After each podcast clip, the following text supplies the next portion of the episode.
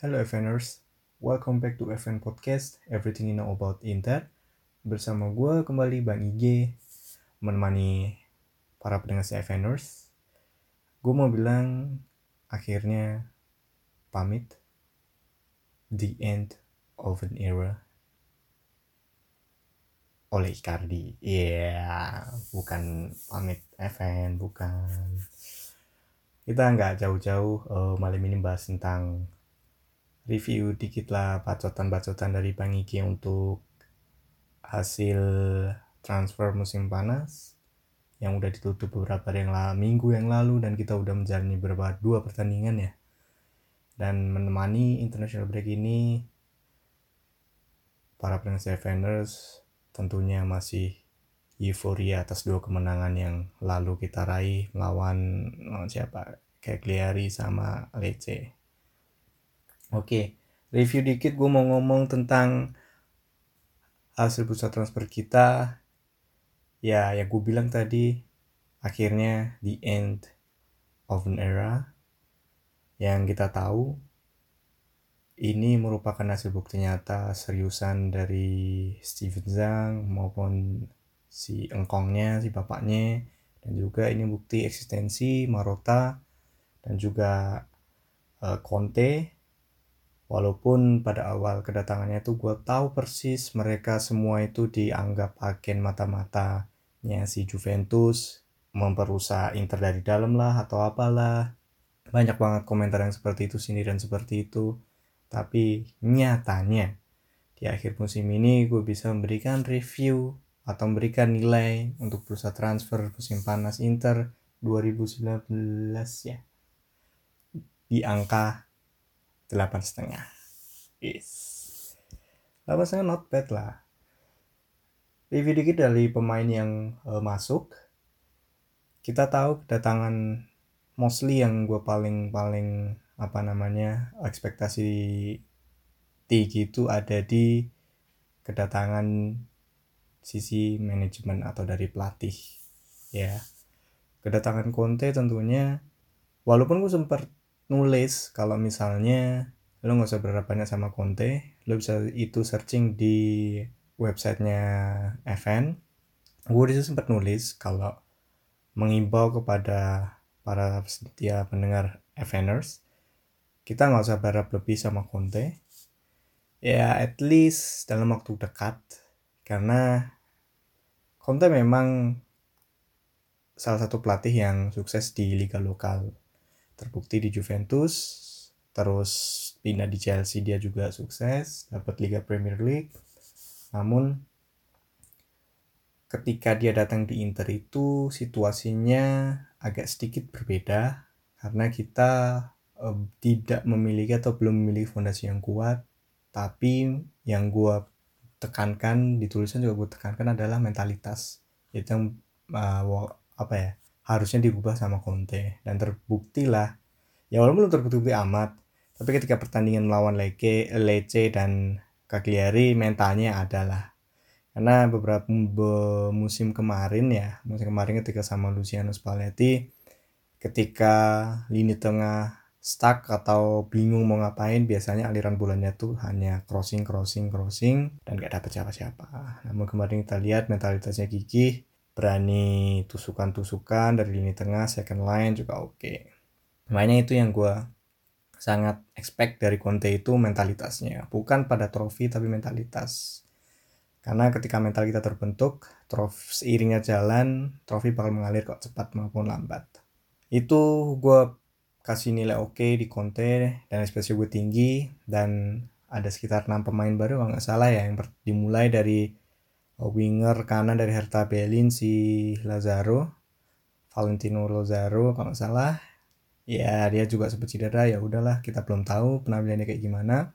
Terus kita kedatangan the most apa ya, unexpected si Stefano Sensi. Ini sih pemain-pemain yang gue juga awalnya berpikir Sensi itu lebih apa ya jadi pemain yang kedalaman squad lah. Maksudnya nggak expect dia bakal jadi pemain inti sebenarnya karena kalau gue lihat karena kalau gue lihat kondisi waktu sesi datang masih ada raja dan segala macamnya jadi gue nggak nggak nggak ekspektasi lebih lah kalau dia jadi pemain inti Tapi seiringnya jalannya waktu justru Sensi yang bener-bener sampai sejauh ini yang menonjol lah di lini tengah. Kalau kata netizen, netizen yang budiman itu, wah Sensi.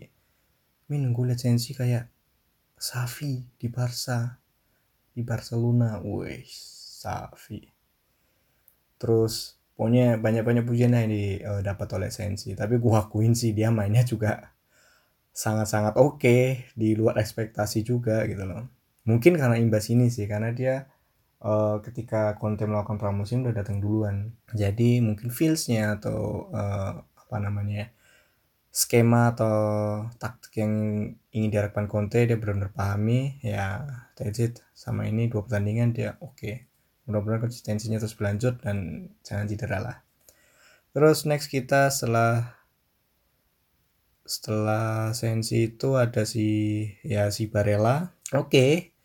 Barella sejauh ini gelandang ya box to box ya. Sejauh ini juga gue liatnya dia punya potensi walaupun masih belum bisa menjadi start, starter ya karena gue nggak tahu sih karena apa tapi ketika dia main juga cukup oke okay. at least uh, lini tengah kita bisa mampu banyak berbicara lah itu terus setelah Sensi kita ada siapa ya Oh ya, si Lukaku itu pasti. Ya, Lukaku sejauh ini ya sesuai dengan budget lah. Dia ditangin menurut gue juga cukup oke okay. dengan biaya skema nyicil yaitu si Marota tuh keren habis. Terus setelah Lukaku kita ada Godin. Nah ini nih, ini Godin pack yang bisa dribbling nih kemarin waktu gue liat lawan Cagliari dia masuk berapa menit menit 15 menit atau 20 menit terakhir ternyata dia, dia jago dribbling lumayan lah lewat satu pemain kalau nggak salah waktu itu dia bisa build up serangan lah gue kira dia tipikal pemain-pemain yang lini bertahan yang cenderung kayak screenier lah. Tapi nyatanya enggak juga. Ya seorang pemain bermentalitas juara sih. Wajar. Terus eh uh, Nah ini ya dua pemain terakhir tuh si Alexis Sanchez sama Cristiano Biraghi ya. Sanchez katanya merupakan kepingan terakhir atau hasil terakhir. Wah, walaupun di MU dia benar-benar masa kelam ya harapannya di Inter dia bisa bangkit kembali ya, ya itu sekilas tentang pemain yang masuk. Dan pemain yang keluar. Yang gue inget ya yang gue inget cuma si akhirnya si Joao Mario. Akhirnya dia keluar.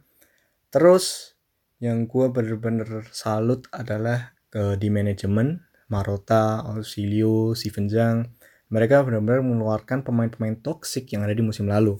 Mungkin dari pertama mungkin Luciano Spalletti. Ya dia nggak sepenuhnya toksik tapi dia ikut tercampur lah. Dia terlibat oke Spalletti dia buang walaupun kita harus bayar kompensasi yang tinggi but ya yeah, manajemen mengiyakan lalu mengorbankan mendatangkan dengan pema dengan pelatih yang lebih tinggi gajinya si Antonio Conte. Setelah Spalletti kita kita lihat trio yang benar-benar musim lalu buat ulah. Yang pertama ada Ivan Perisic. Akhirnya dia keluar ke Bayern Munchen walaupun transfer hanya tra, apa pinjam atau transfer opsi tapi gue yakin sih Munchen bakal ditebus selama pelatihnya Niko Kovac dan itu terbukti juga kemarin dia juga ngegolin satu gol ya di debutnya. Terus keluar Perisic akhirnya keluar Raja Nenggolan dia komen sih bro setelah pindah di Cagliari dia komen sih sebenarnya masalah utamanya tuh ada orang yang masih nggak terima atas perlakuan omongan si siapa tuh? Si istrinya Icardi si Wanda gitu loh. Tapi ya nggak tahu mana yang benar nggak salah. Intinya si Raja juga dia terkait disipliner sih makanya gue rasa juga it's not a big problem not a big deal if he leaves Inter so it's okay Terus next ada si terakhir. Nah, pemain-pemain menit terakhir akhirnya dia pergi si Icardi. Walaupun Wanda beberapa state ada beberapa statement dia ngeluarin uh, kita tahu dia pindah ke PSG dan Wanda ngomong PSG adalah pilihan terjelek yang di, harus diambil oleh sang suami. Akhirnya diralat karena mungkin takut kena masalah. ya, at least ini merupakan bukti konsistensi atau keseriusan dari Marota Nah ini menjawab semua tuduhan-tuduhan publik bahwa dia agent dari Juventus dan segala macam. Dia berhasil membuang toxic dan ini merupakan awal atau apa namanya revolusi baru dari Inter. Sebenarnya kalau lihat dari start starting line up itu sebenarnya pemainnya tuh rata-rata yang saat yang dua pertandingan awal nih rata-rata itu pemain awal uh, apa namanya bawaan dari musim kemarin. Kita lihat pemain barunya kalau dia starting line up itu hanya ada Lukaku di depan terus di tengah tuh cuma ada si Sensi sama iya cuma ada si Sensi. Di ini belakang juga belum seutuhnya pemain baru muncul. Even SM kanan itu malah Antonio Candreva yang main. Kiri Asamoah. Makanya sebenarnya gue pikir ini kalau misalnya uh, Conte bisa menghasilkan pemain yang sebenarnya basicnya dari musim kemarin bisa lumayan lah ya. Lumayan menang lawan tim promosi dan menang lawan tim yang musim kemarin hampir degradasi ya lumayan lah. Not bad not bad enough lah pakai pemain musiman kemarin. Jadi ya efek Conte bener-bener nyata gitu loh. Makanya gue tinggal ngarepin pemain-pemain baru itu nyetel Iya, podcast terakhir gue juga bilang ngomong pramusim Inter terkendala beberapa pemain yang cedera di tengah rezim Conte. Di awal-awal kepelatihannya Conte di pramusimnya Conte banyak pemain yang tumbang. Sekarang harapannya ke depan pemain-pemain yang baru ini bakal tune in terus akhirnya bawa Inter ngeput terus. Itu. Oke okay sih. Kalau menurut Evans gimana nih? Inter setelah transfer ini segala macam. Gue sih harapannya uh, kedalaman squad walaupun sebenarnya uh, sebenarnya itu masih kurang terutama di sayap kanan. Orang-orang juga masih meragukan ternyata Kandreva juga nggak nggak oke okay di ketika pertandingan kedua jadi masih labil gitu. Masih tanda tanya lah. Ya tapi gue balik lagi. Gue bilang Conte jangan terlalu jangan terlalu berharap banyak. Itu aja sih. Terus mudah-mudahan selain international break ini nggak ada yang cedera. Jadi seenggaknya pemain-pemain juga apa namanya kondisi fit dan kita bisa mengaruhi. Karena selain ini kita lawan Udinese terus habis itu lawan derby lawan kakak Milan. Ya itu.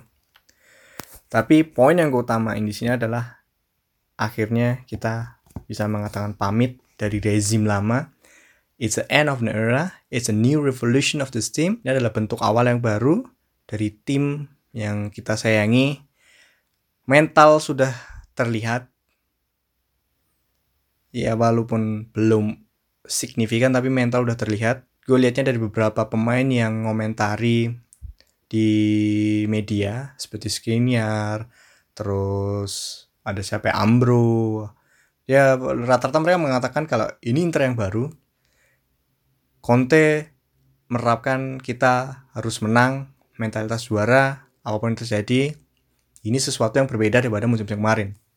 Jadi, gue expectnya musim ini bakal uh, ketika bulan-bulan mana ya, bulan-bulan Desember sampai Februari ini kita nggak kembali nyungsep, seenggaknya kita masih bisa bertahan di papan atas. Jadi nggak terlalu nggak terlalu nyungsep lah itu.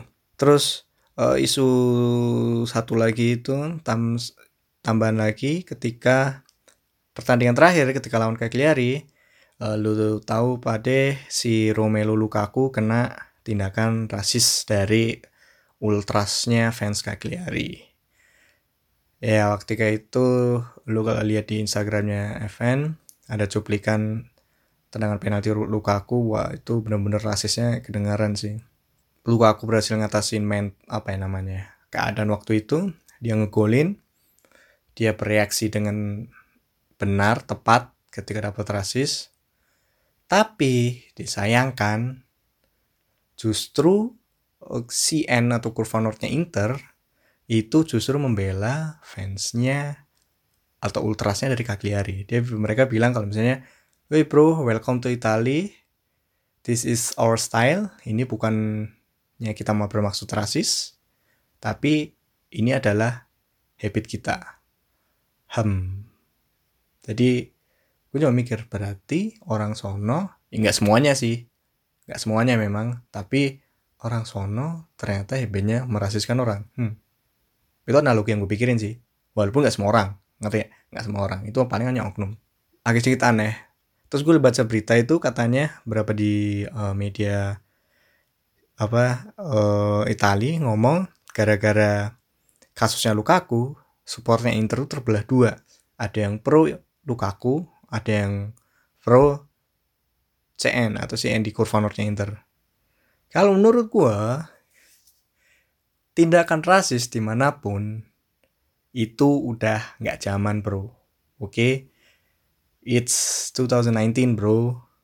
Kayak lu rasis, beda kulit, agama, sara itu segala macam itu udah nggak ada nggak ada apa-apanya ketika lu main bola gitu loh. Main bola itu bahasa-bahasa universal gitu loh. olahraga universal mempers mempersatukan semuanya gitu loh. Jadi itu bukanlah habit yang buruk. Eh sorry bukan apa namanya habit yang harus atau attitude yang harus dilestarikan. Kalau si N bilang itu adalah tradisi atau kayak kita di Italia well berarti yang salah itu sebenarnya berarti Liga Italinya atau para supporternya. Karena di karena di liganya sendiri Liga Italia sendiri di klubnya sendiri saat ini udah banyak berubah. Lo tahu sekarang dulu di Liga Italia itu klub-klubnya kepemilikannya tuh benar-benar uh, asli orang Italia atau keluarga dari Italia lah. Nah saat-saat ini banyak yang udah dibeli sama asing Terakhir kalau lo ingat itu di Fiorentina, dia itu kalau nggak salah pemiliknya itu campuran antara Italia sama US kalau nggak salah. Intinya sekarang udah banyak-banyak uh, klub yang dibeli oleh pihak asing. Juventus itu tapi masih punya Italia. Berarti dalam pikiran gue Liga Italia sedikit berbenah. Apalagi musim ini banyak pemain-pemain kelas atas atau kelas A itu datang ke Liga Italia. Lo lihat sendiri di Frank Ribery pindah ke Fiorentina. Terus ada uh, backnya Juventus siapa tuh dari Belanda.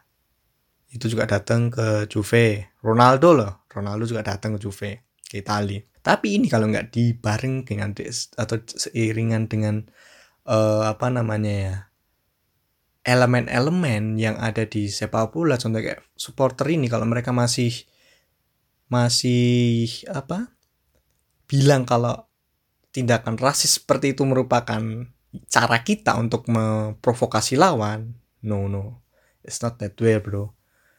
Mending daripada kayak gitu contohilah uh, apa namanya supporter dari Dortmund atau dari Liga Jerman. Mereka bikin koreografer yang benar-benar yang justru apa namanya menekan lawan gitu loh dengan koreografi koreografinya itu malah menurut gue lebih jauh lebih oke okay gitu loh. Bahkan bakal dapat uh, apa namanya di appreciate sama pihak lain. Tapi kalau yang ini nggak bro. Anehnya beberapa kasus rasis itu ketika Inter melakukan kita dapat denda. Tapi kalau klub lain enggak ya kayak masih belum tahu dapat denda enggak tapi ketika Inter dulu nggak salah sama backnya Napoli tuh Bali kalau nggak salah. Kita kena chainnya rasis dari Siena akhirnya kita denda tapi ini nggak tahu deh kalau klub lain aku nggak tahu. Oh nggak tahu.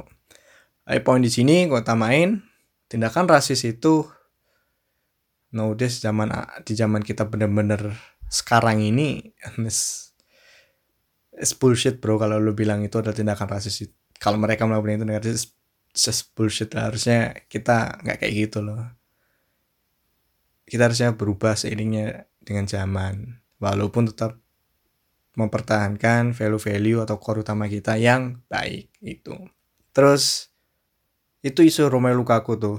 Nah sekarang katanya Romelu Lukaku siap uh, jadi duta besar apa ya duta besar menegakkan atau memerangi rasisme bersama Inter. Tapi nggak tahu nih gimana nih jalan ceritanya lebih lanjut.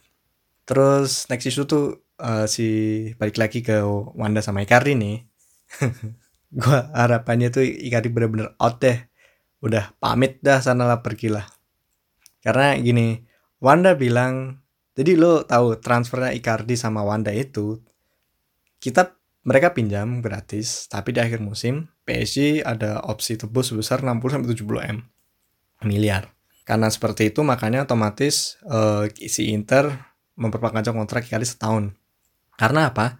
Icardi itu kontrak selesai 2021. Ya 2021. Kenapa mesti diperpanjang? Ketika tahun depan misalnya katakanlah PSG nggak jadi perpanjang, kontraknya Icardi habis 2021 berarti kan masih ada kontrak satu tahun tuh nah itu harganya bakal turun itu yang nggak mau dihindari sama Inter makanya Wanda kepaksa menekan perjanjian tersebut nambah kontrak setahun. Contohnya nih pemain-pemain yang sisa kontrak setahun yang harganya di, di murah tuh kayak Christian Eriksen, ya di cuma 30 m. Sisa kontrak tinggal setahun. Nah itu Marota dan kawan-kawan gak mau kayak gitu. Jadi ya the godfather of maestro transfer ya dia nggak mau kehilangan atau kehilangan Icardi cuma-cuma. Ya which is a good deal. Cuma yang gue sorot adalah Wanda bilang gini, Inter dan Icardi saat ini bukanlah perpisahan atau perceraian. Ini ibaratnya orang tunangan tapi sedang break dan mencoba masing-masing pihak berintrospeksi diri. What the? Pernyataan macam apa ini? Kayaknya Inter nggak butuh introspeksi. Inter udah jelas-jelas gak mau terima Icardi lagi dalam bentuk apa pun. Lu mau sukses di klub lain, terserah lu tapi Wanda bilang kayak gitu well ya nggak tahu nggak ngerti lagi kepikirannya si Wanda gimana sok-sok agent tapi kliennya cuma Icardi ya nggak ngerti deh. Dia juga bilang nih apa namanya si Wanda dia sebenarnya banyak tawaran untuk meng, apa ya untuk menjadi agent pemain lain cuma ditolak. Kalau saya bentuk kecintaan terhadap Mauro ya terserah lu lah lo harus akuin Wanda now the time for Inter SB to end. Itu benar-benar finish lo harus uh, move on mending lu urusin Icardi ke PSG biar mainnya oke okay, terus ditebus gitu aja. Terus apalagi isunya ya? Jadi uh, podcast podcast ke depannya bakal lebih banyak diisi kibahan yes. Kibahan asik. Gibahan dari uh, isu-isu terkini. Kayaknya lebih asik itu yang enteng-enteng. Oh ya terus ada isu lain. Kita udah ancang-ancang untuk beli pemain yaitu si SMS sama Christian Eriksen. Terus ada coach lagi. Tapi ada yang menarik nih ketika di coach jadi ini ditransfer untuk apa uh, akhir musim jadi buat dapat gratisan lah. Tapi si coach ini aneh sih. Kenapa harus Gotze? Ada di grup ya bilang ini bentuk perang apa Cywar terhadap Dortmund. Karena kita sekru sama Dortmund ya ya nggak sih? Di Liga Champion. Ini merupakan uh, Cywar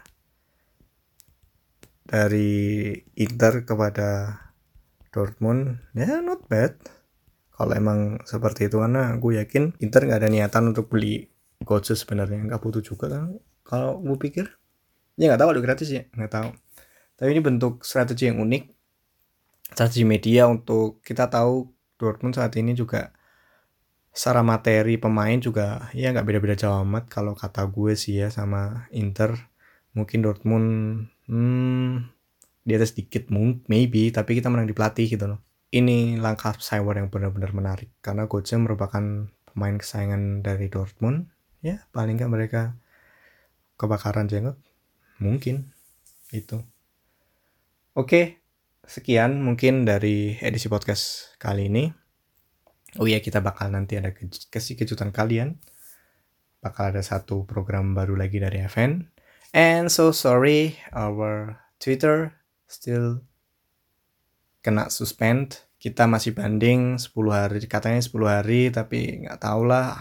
Mudah-mudahan cepat selesai urusannya. Terus oh, kita bisa menyemarakan lagi perjagatan Twitter. Oke terima kasih semuanya